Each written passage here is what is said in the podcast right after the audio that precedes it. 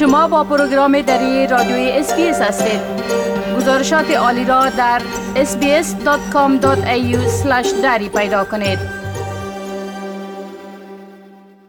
جامعه مسلمانان استرالیا به خاطر کمک در مقابله با کم شدن شدید میزان اهدای خون در نتیجه گسترش نوع اومیکرون ویروس کرونا یک کارزار را به منظور ترغیب مردم به اهدای خون در سراسر کشور راه اندازی کرده است.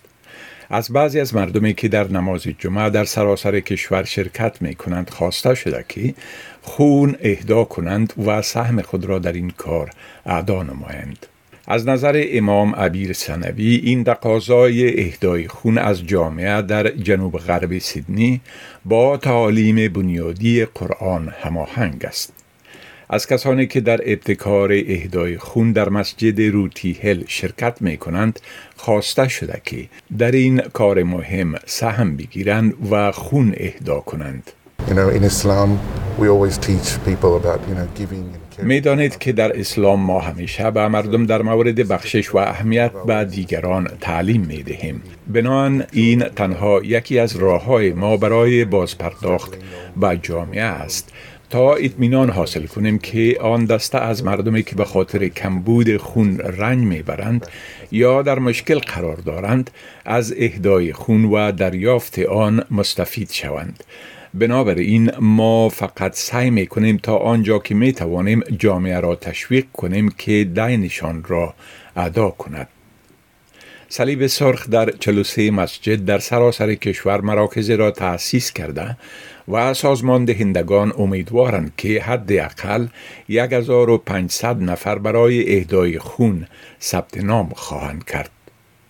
دکتر محمد کاهلون رئیس مرکزی انجمن طبی استرالیا است. خود من به حیث یک جراح هر روز ضرورت به خون را می بینم. خون یک تغییر دهنده واقعی وضعیت صحی و نجات دهنده زندگی است و نیاز به آن همیشه وجود دارد ما در هر 24 ثانیه یک بار در سراسر استرالیا با یک نفر خون تزریق می کنیم گسترش نوع اومیکرون کووید بر منابع خون که به شدت مورد نیاز است تأثیر قابل توجه داشته است یکصد هزار اهدا کننده خون به دلیل ابتلا به این بیماری در هفته های اخیر کنار گذاشته شده و نیمه از وعده ها برای اهدای خون لغو شدهاند. بسیاری از اهدا کنندگان احتمالی مشتاق شرکت در این ابتکار when they need it, we should give them. Yes, uh, we are part of the community. We're helping the people uh, that are in need. So that's the Australian culture. Definitely, it has been overwhelming. همه این مردمی که آوازهایشان نشر شد از اهدای خون جانبداری و آمادگیشان را به شرکت در این ابتکار ابراز کردند. مردمی که ثبت نام کردند در یکی از مراکز اهدای خون صلیب سرخ برایشان وقت گرفته می شود. دکتر آصف رضا متخصص مراقبت های شدید می گوید که همه این عملیه فقط یک ساعت طول می کشد ولی این زمانی است که در راه انجام یک کار خیر صرف می شود. او علاوه می کند که هر هدیه خون می تواند جان سه نفر را نجات دهد. آنده از بیمارانی که جراحی های بزرگ را انجام می دهند قربانیان تصادمات و زنان در وقت تولد طفل سه دسته از مردم هستند که ممکن نیازمند تزریق خون باشند و ذخیره خون می تواند به بسیار زودی تمام شود. اهدا کنندگانی که برای اولین بار خون اهدا می کنند معمولا مشتاق می باشند که بار دیگر این کار را بکنند.